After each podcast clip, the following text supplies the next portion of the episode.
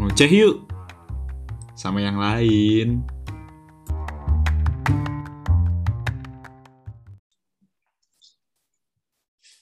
Oke, halo teman-teman, balik lagi sama gue Arya uh, di podcast sama yang lain sih sebenarnya hari ini.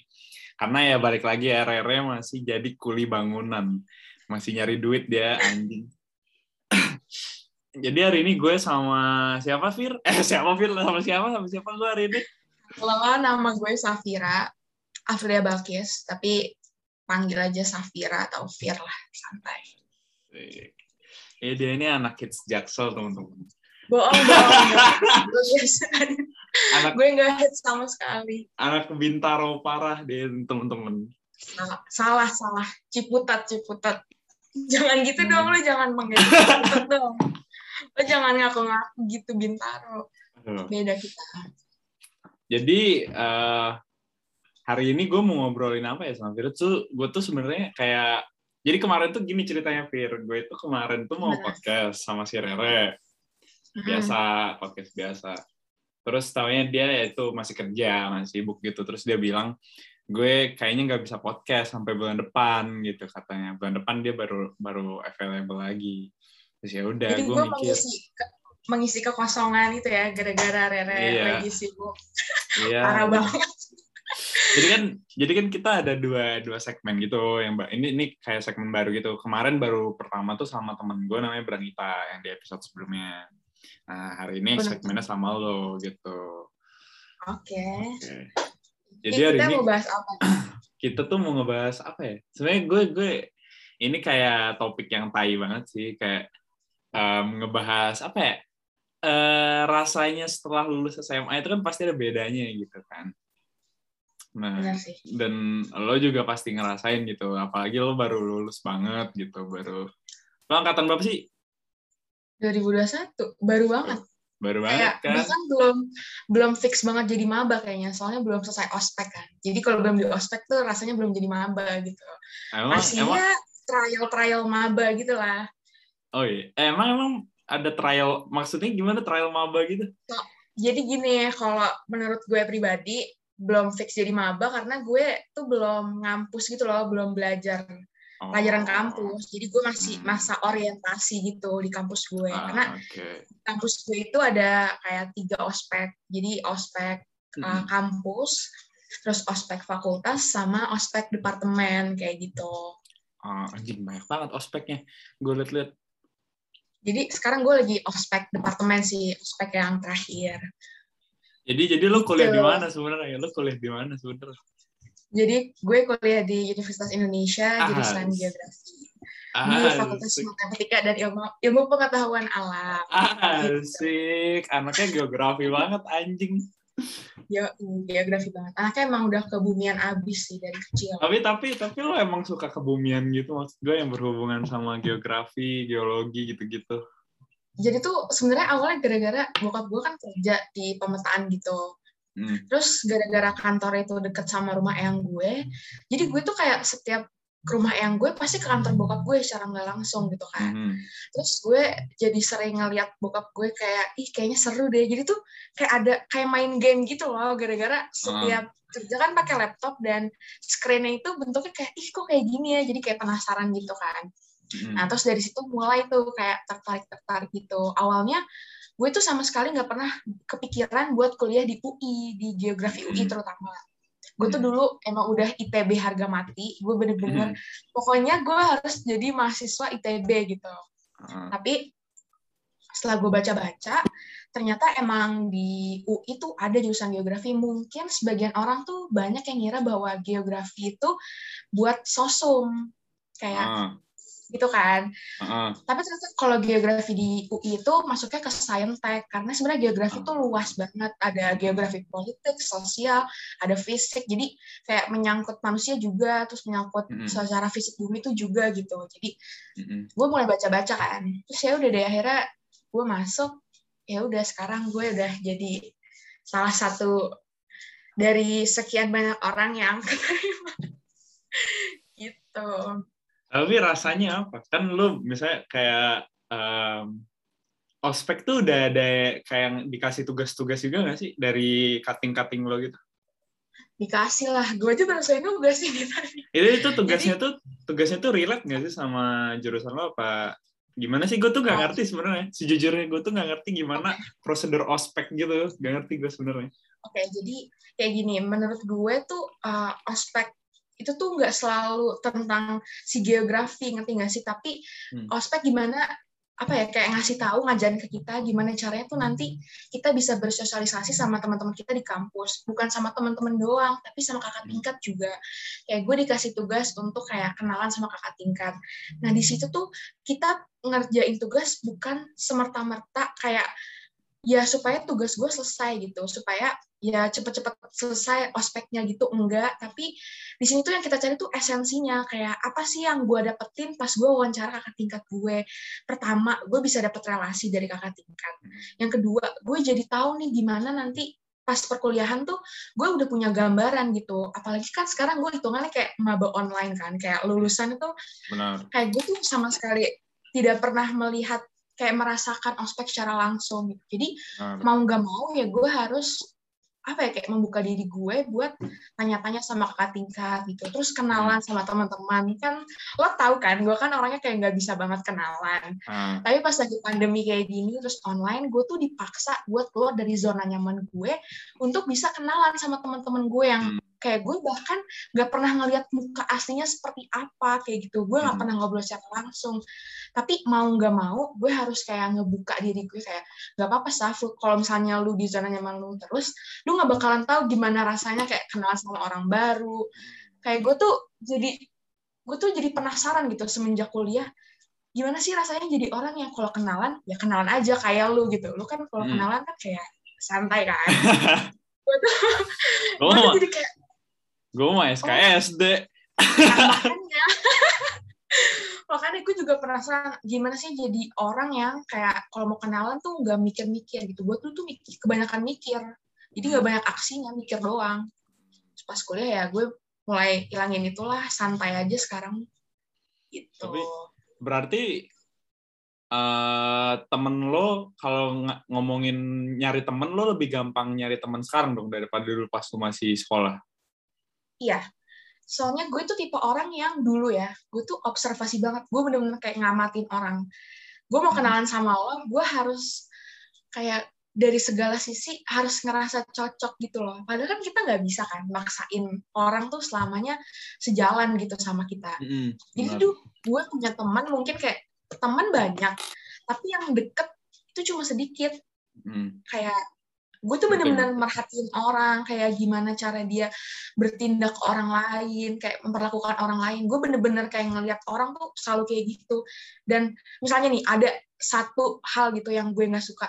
Gue jadi ngerasa gue tuh gak cocok temenan sama dia padahal masih banyak hal yang menurut gue tuh kayak ya dia baik-baik aja gitu. Hmm. tapi semenjak online gue dipaksa maksudnya sekarang nih gue udah makin dewasa gue dipaksa buat gak boleh kayak gitu. Karena nggak selamanya orang itu ngikutin lo terus gitu. Jadi lo yang harus hmm. berdamai sama diri lo, berdamai sama lingkungan hmm. lo biar gampang gitu.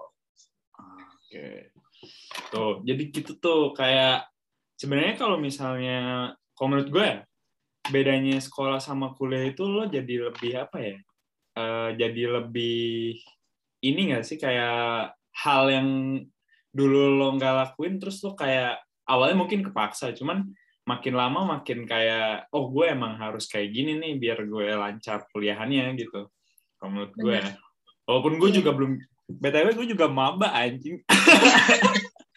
Semester Sama depan gue maba padahal gue lulus 2019 tapi uh, karena perjuangan itu memang tidak memandang waktu jadi ya tapi gitu keren guys. sih.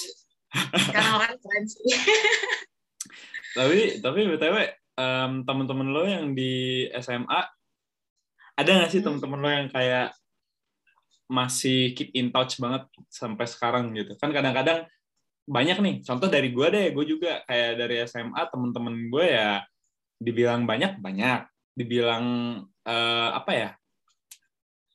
Aduh anjing. Maaf ya. Itu uh, ada ada notif. Dibilang banyak banyak gue SMA temen gitu. Maksud gue dari mana-mana gitu cuman kan makin ke sini lo makin gede tuh makin kayak teman makin mengkerucut gitu nggak sih? Jadi kalau dari diri lo nih kan lo bilang tuh tadi lo udah kayak sekarang kayak berubah gitu kan kayak lo bisa lebih menerima orang kayak lo mau temenan ya lo nggak nggak harus mau observasi sampai detail-detailnya lo nggak harus apa ya ya subjektif lah gitu lo bisa nerima apa adanya gitu. Kalau dulu kan bedanya lo bilang tadi lo harus observasi orang itu sampai ke ke titik-titik kecil-kecil dia gitu. Lo sendiri gimana? Sekarang pertemanan lo itu yang dulu SMA apakah masih berlanjut? Dan sekarang mungkin lo pas kuliah lo nemu yang baru atau gimana tuh kalau masalah pertemanan? Kalau dari gue sendiri gue emang dari dulu tuh kan gue balik kan gue bilang tadi di awal kalau misalnya gue tuh punya teman tuh banyak.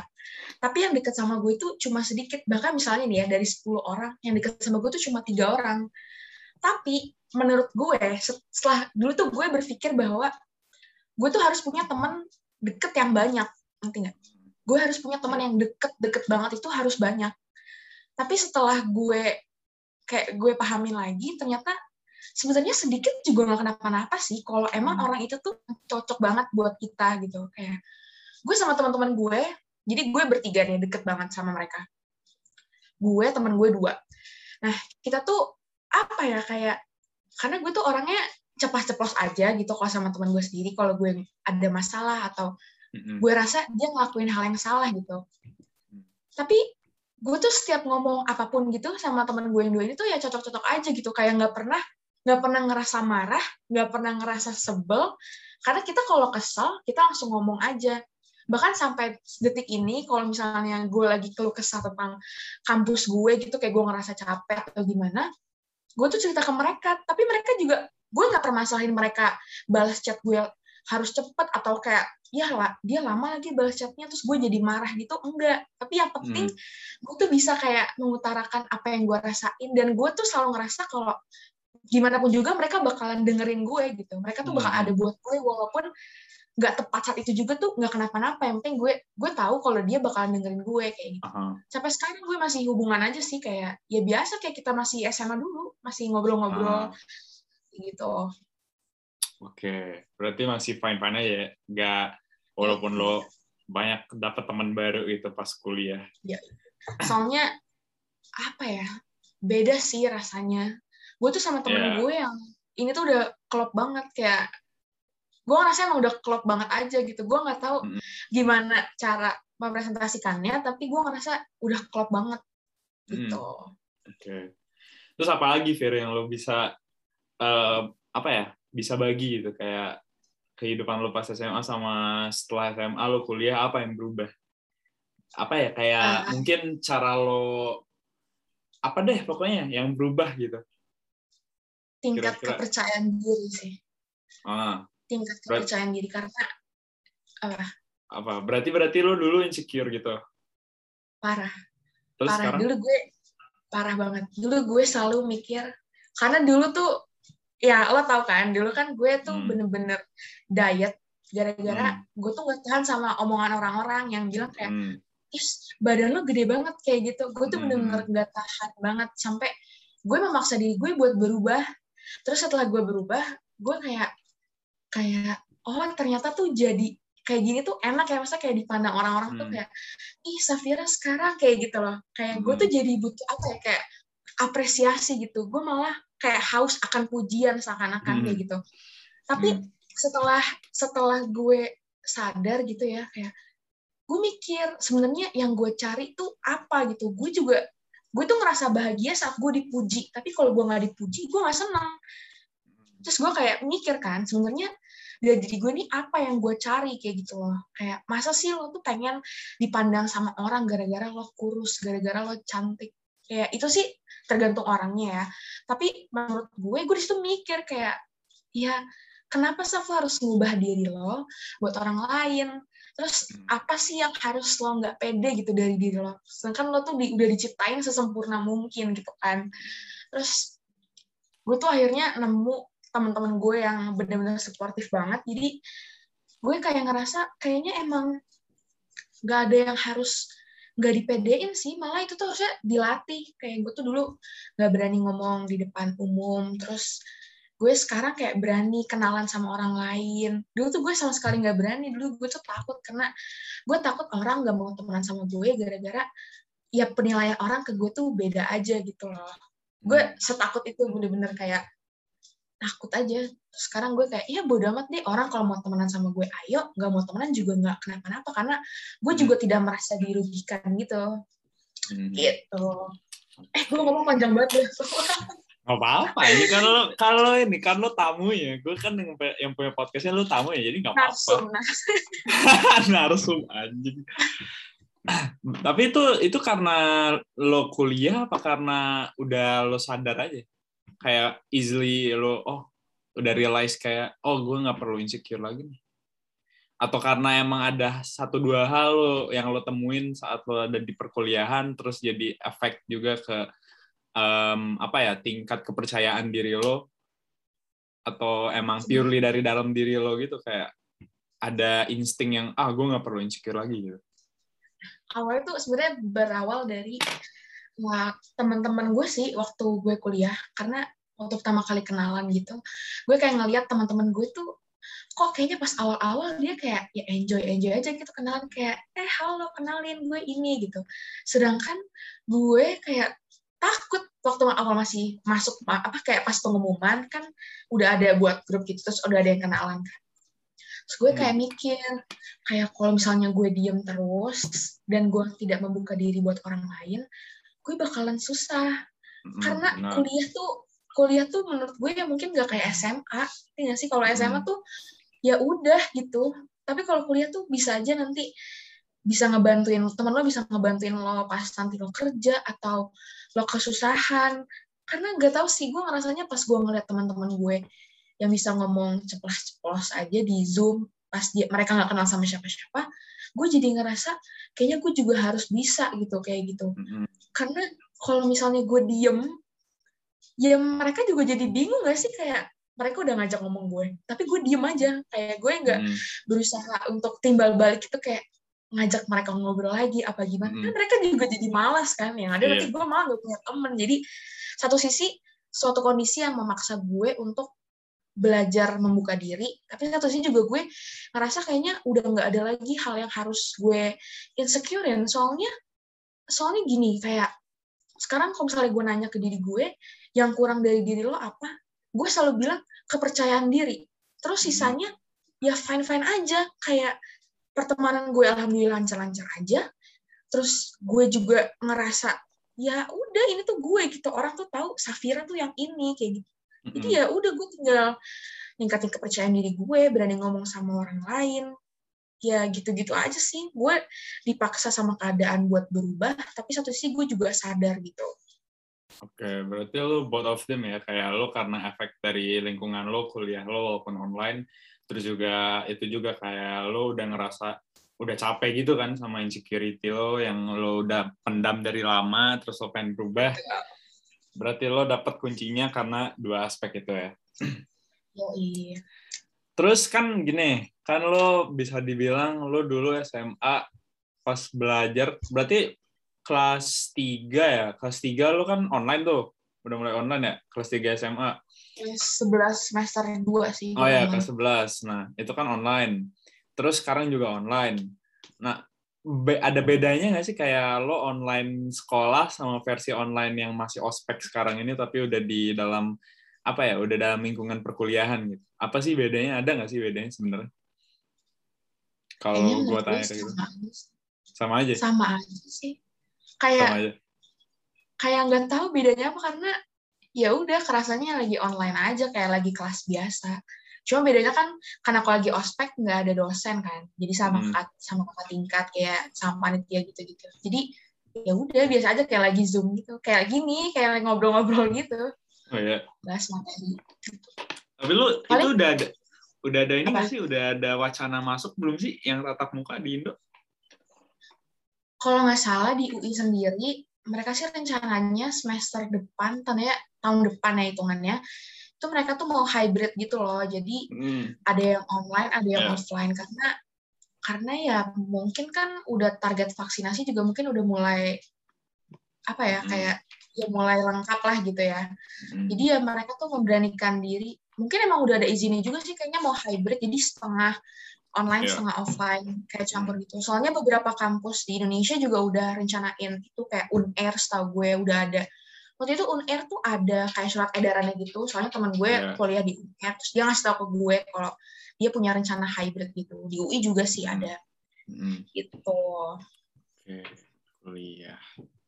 Keren-keren. Semoga cepat offline. Gue sih udah offline. Lu enak lu udah offline ya dari dari awal udah langsung offline ya Hmm, gue gue dari awal gue masuk yang pre college hybrid offline online. Terus, terus sampai lulus sih itu offline online gitu.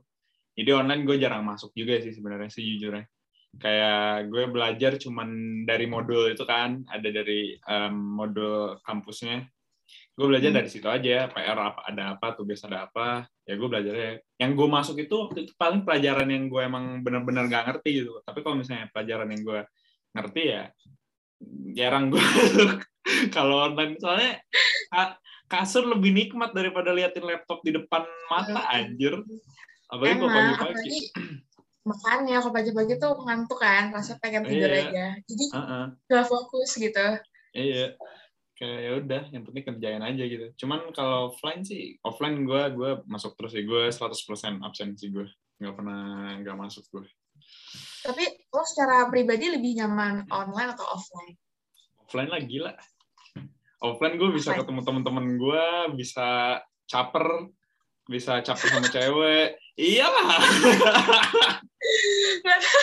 heran banget dari dulu kalau caper sama carinya yang itu mulu Iya. kalau gue tuh gue tuh ngerasanya sebenarnya online seru sih. Soalnya gue ngerasa Ah. lebih fleksibel aja gitu kayak Ah, gue bisa ngerjain tugas kapan pun gitu. Gue bisa istirahat Hmm. kapan pun. Misalnya sela-sela eh, dari pelajaran satu ke pelajaran selanjutnya gue bisa tiduran dulu gitu. Kalau di Hmm. sekolah nggak bisa.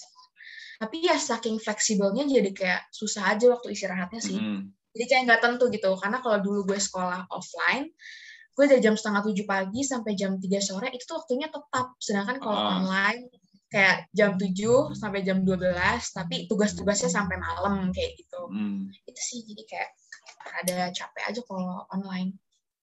Gitu. Enakan offline ya, gue bisa caper sama cewek. gue nggak kepikiran sih. Gue kayak "Hmm, offline tuh gue mau fokus kuliah fokus kuliah nggak ada tuh namanya pacar Eh, pacaran gue gue juga fokus kuliah, makanya gue keterima di empat uni. wih sombong iya anjing. tapi tapi gue galau, giran yang gue pengenin gak nerima gue anjir. tapi kan empat ini bagus dong tanda Ah, aduh, gue gue pertama nih gue malas pindah, malas pindah kota pertama. Kedua temen gue udah banyak di sini, mau yang anak uni, anak yang pre college, mau anak indonya, anak yang bukan indonya udah banyak di kota ini. Makanya gue kayak udah settle gitu di kota ini. Cuman ya udah, lihat ntar dah. Kayak dulu tuh gue nggak pernah paham gitu sama orang-orang yang ada kan misalnya anak-anak pinter gitu.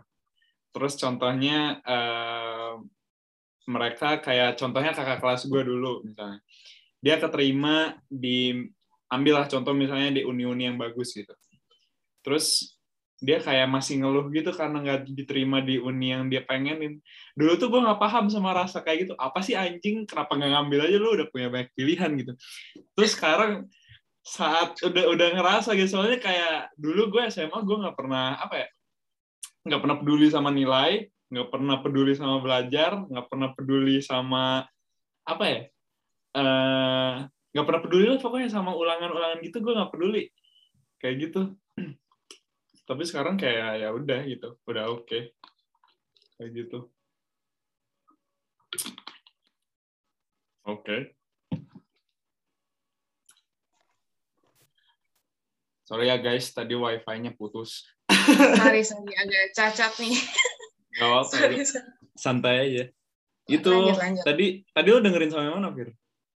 sampai yang bingung pas eh, apa yang apa sih kakak kelas lo diterima di kampus oh iya iya yang udah Tapi- bagus tapi kayak masih nggak Iya, iya. dulu dulu gue gak paham, soalnya gue kan kayak nggak peduli gitu sama segala hal gitu yang ada yang terjadi di sekolah, kayak nilai, ujian. Gue dulu gue dulu suka nyontek gitu-gitu kan, kayak ya udah gitu. Yang penting gue beres SMA gitu. Terus kayak kemarin kan gue pre-college emang purely apa ya gue nggak pernah nyontek gue nggak pernah kayak apa ya bikin pokoknya hal-hal yang curang itu gue nggak pernah gue lakukan selama gue pre-college gitu. Jadi kayak emang purely 100% uh, otak gue dan usaha gue gitu. Terus kayak lulus gitu kan kayak pede. Anjing gue keterima di sini. Terus gue daftar tuh kemarin gue daftar tujuh uni. Satu udah nolak terus empat nerima gue nah yang gue pengenin ini nolak gue kayak anjing galaunya lebih galau daripada gue ditolak cewek anjir iya tak sumpah. Soalnya tuh kadang kita kalau udah pengen banget kayak mungkin kita sama ya tipe orangnya kita tuh kalau udah pengen banget harus gitu. Hmm. kayak gimana pun caranya gue harus nih. Kayak ya apa pun pokoknya gue bakal lakuin demi masuk ke sana. Gue tuh juga dulu kayak gitu. Gue tuh ITB harga mati pokoknya. Tapi dulu gue gak peduli. Kayak sebelum ke Jerman juga gue ah ya udah gue mau ke Jerman mau ke Prancis penting keluar gue bilang gitu. Gue gue gak peduli dulu sejujurnya. Tapi yang penting kuliah di luar gitu ya. Iya terus kayak udah di sini kayak udah apa ya karena emang emang ini sih emang ada bedanya sih emang kayak berusaha sendiri dan curang itu. Rasa di akhirnya itu ada ada bedanya anjir. Jadi gue baru ngerasain itu gitu. Iyalah makanya lo tuh kalau mau apa ya kayak mau menggapai sesuatu yang lo pengen banget gitu kayak harus pakai usaha sendiri gak sih? Karena kalau ya kita buat curang-curang gitu nggak ada yang tahu ya. Maksudnya bisa aja kita lulus tapi ke depannya kan jadi tanggung jawab kita malah lebih berat gitu. Karena sebenarnya kita nggak mampu tapi kita memaksakan diri kayak gitu. Iya sih. Ya udahlah. Gue gue masih Tapi, belum apa? Kenapa kenapa? Belum apa? Enggak ya, belum. belum belum menentukan mau ngambil yang mana. Pas itu tapi itu kapan harus tentuinnya masih lama? Atau oh sampai sampai bulan depan. Sampai akhir bulan depan santai. masih banyak waktu berpikir lah ya.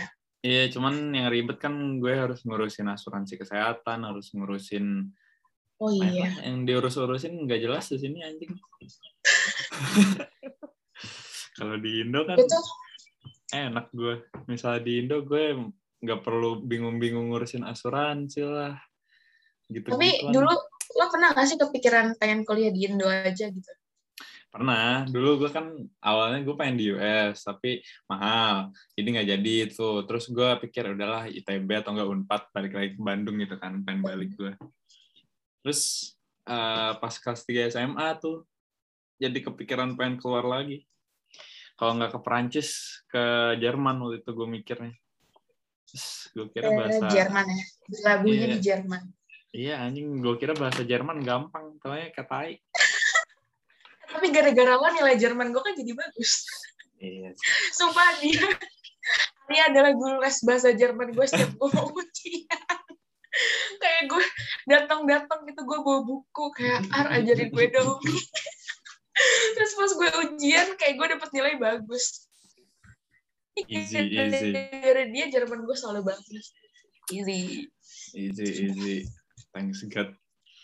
Gitu deh. Tapi pas tapi ini gak sih kayak lo ngerasain hal yang beda gak sih? Lo kan di Jerman juga teman-teman lo banyak kan yang orang Indo. Sejujurnya kalau gue boleh ngomong uh, gue banyak tahu orang Indo.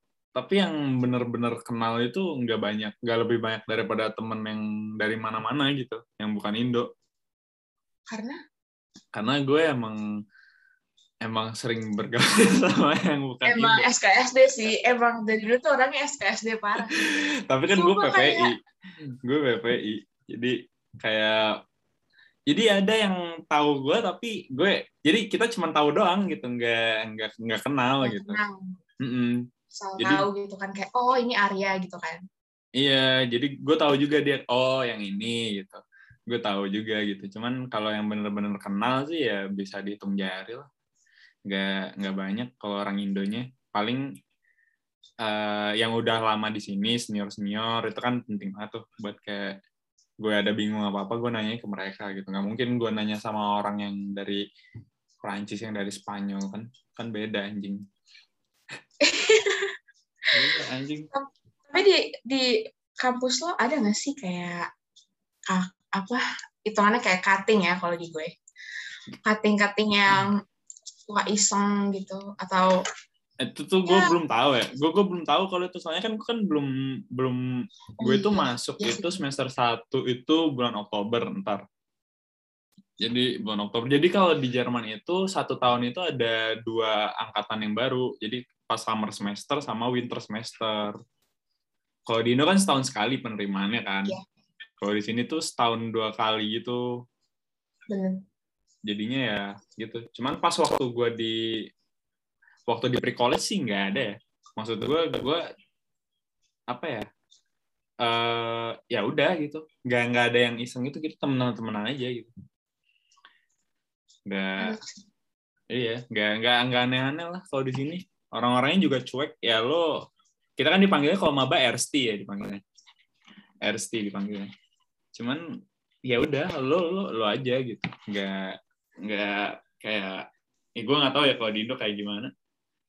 Ya kalau di sini sih yang gue rasain ya udah gitu. Nggak sih di Indo juga aman-aman di Indo aman.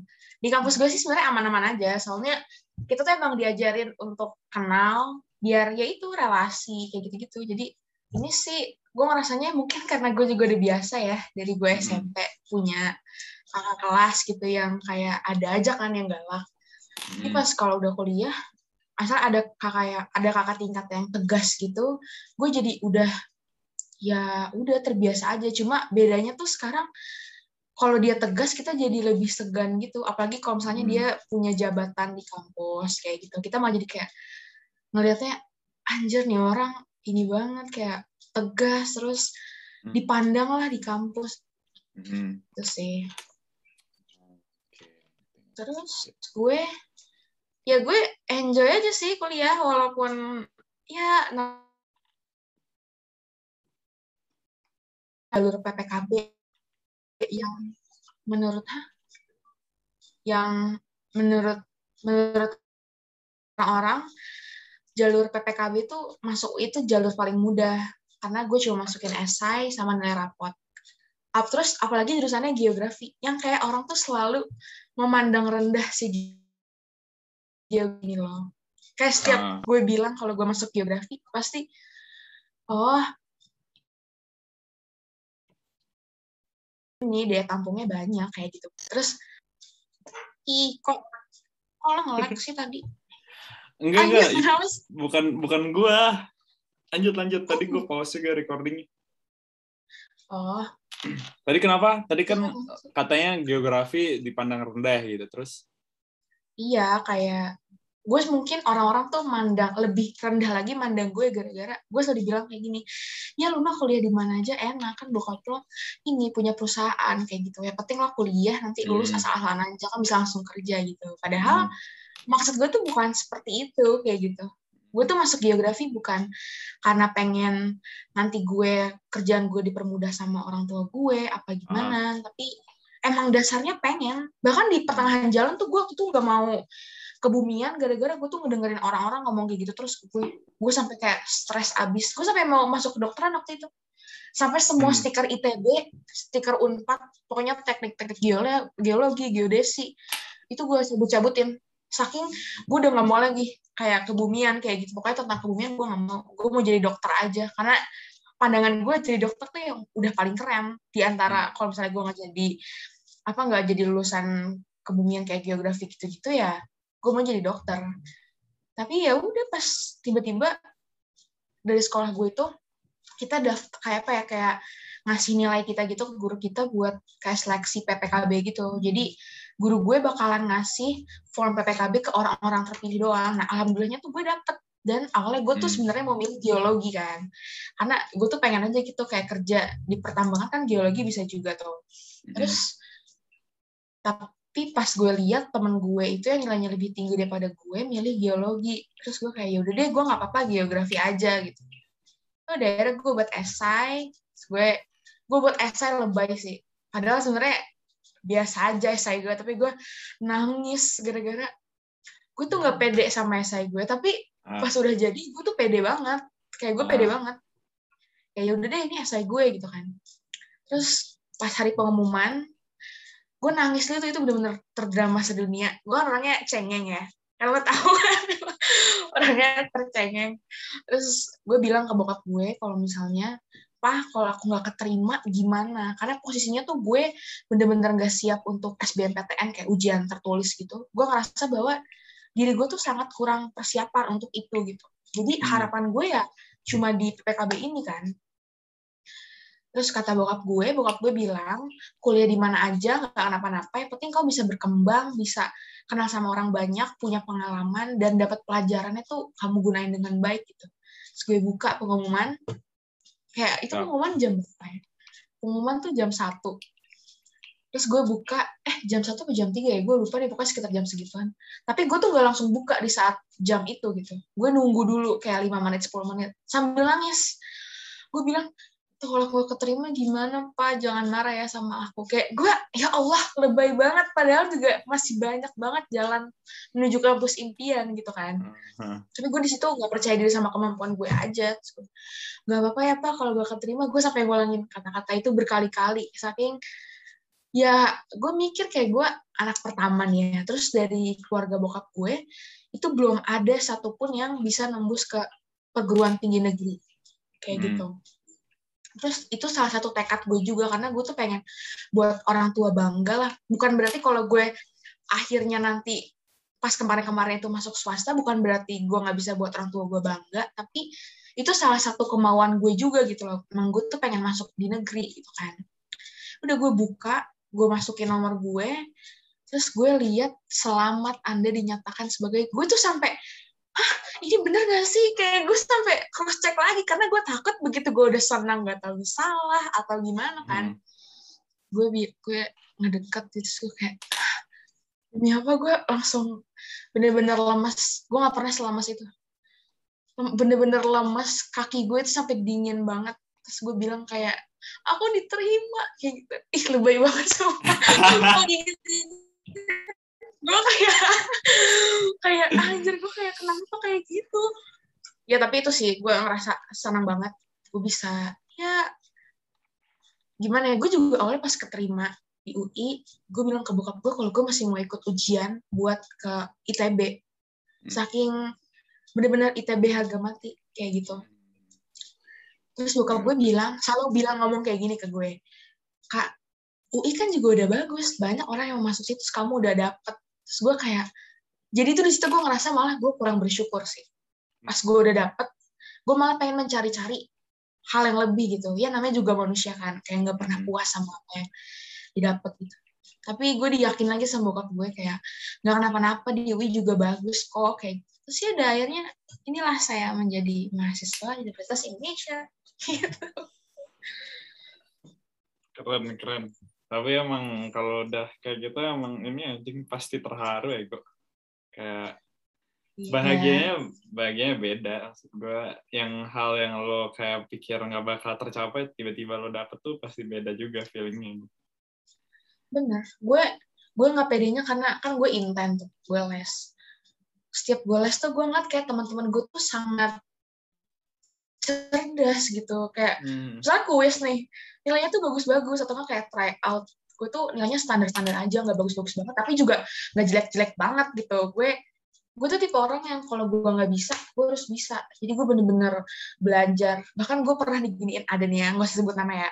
Teman gue pernah ngomong gini ke gue emangnya lo nggak takut ya Saf udah belajar mati-matian terus nanti nggak dapet kuliah di kampus yang lo mau?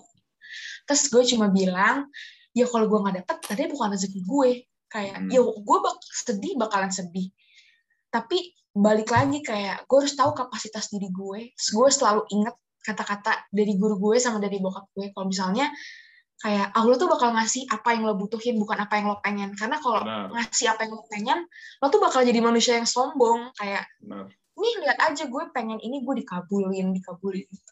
Karena gue yeah. kayak ya gitulah benar benar benar iya sih Iya sih. Seru sih, tapi emang pas gue ngerasa semua usaha gue bener-bener terbayarkan gitu.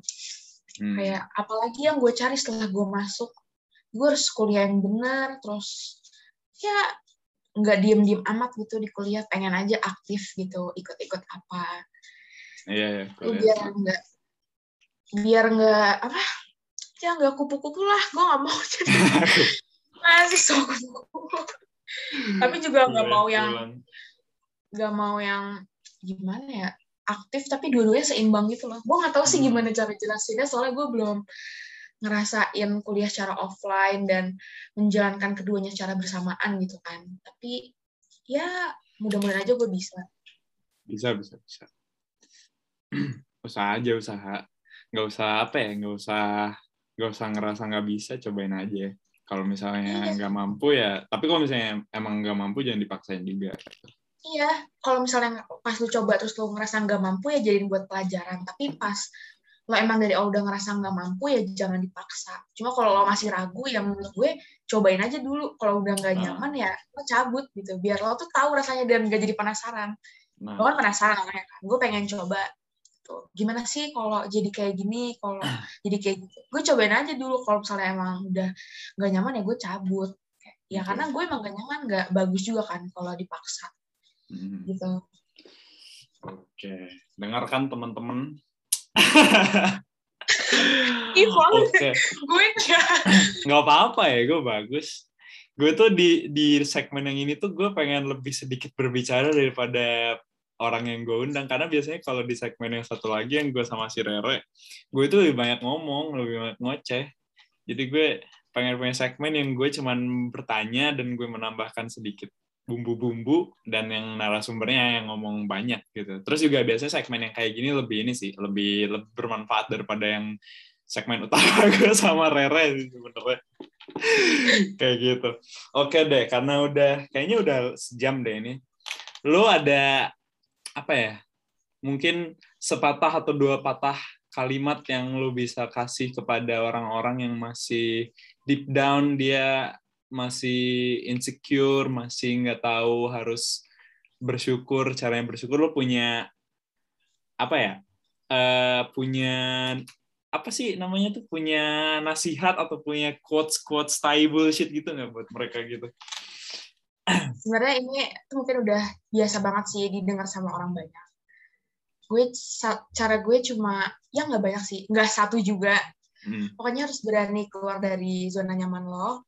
Sekali-kali lo tuh harus berada di ya ya lo tuh ngerasa kayak ngerasa terancam tapi lo tuh tiba-tiba penasaran gitu gimana sih kalau misalnya gue keluar Oke. dari sini Hmm. terus biar pede apa ya gue ngomong sendiri sih gue Hmm, gue Oke. ngomong sendiri Ha-ha. kayak gue suka dialog sama diri gue sendiri kayak misalnya gue sebelum ngomong sama orang gue ngomong dulu sama diri gue kayak gue ngaca terus gue ngomong mungkin nih Hmm. dari buat sebagian orang itu kayak orang gila tapi menurut gue itu ngebantu gue banget itu Oke, ngebuat lo jadi percaya diri gitu kayak oke. ya latihan ngomong aja biar nggak ah eh ah eh gitu atau kayak gimana ya kayak lancarin aja Ngerti, ngerti. Iya. sama sama cara bersyukur. Ya sadar diri sih. Apa yang udah Diri. dikasihin ke lo itu adalah ya emang udah rezeki lo udah apa yang lo, apa yang dikasih tuh nggak bakalan mungkin ngerugiin lo itu sebenarnya bermanfaat buat lo. Lo yang harus ngegali diri lo gimana caranya biar lo tuh bisa bermanfaat buat diri lo buat orang lain. Kalau lo udah berguna buat orang lain pastinya lo juga bakal berguna buat diri lo sendiri kayak gitu. Benar. Oke, tuh dengerin ya.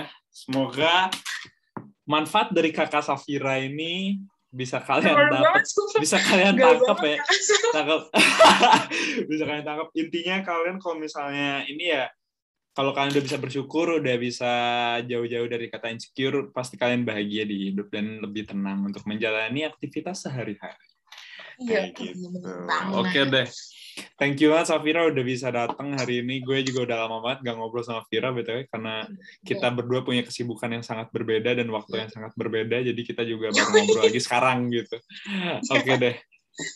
Thank you ya Vira udah mau uh, ngisi podcast gue hari ini.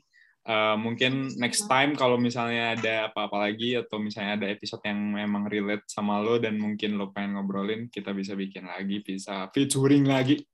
Oke. Santai, bro. Oke, Oke, makasih semuanya udah denger hari ini. Gue cabut dulu ya. Oke, bye.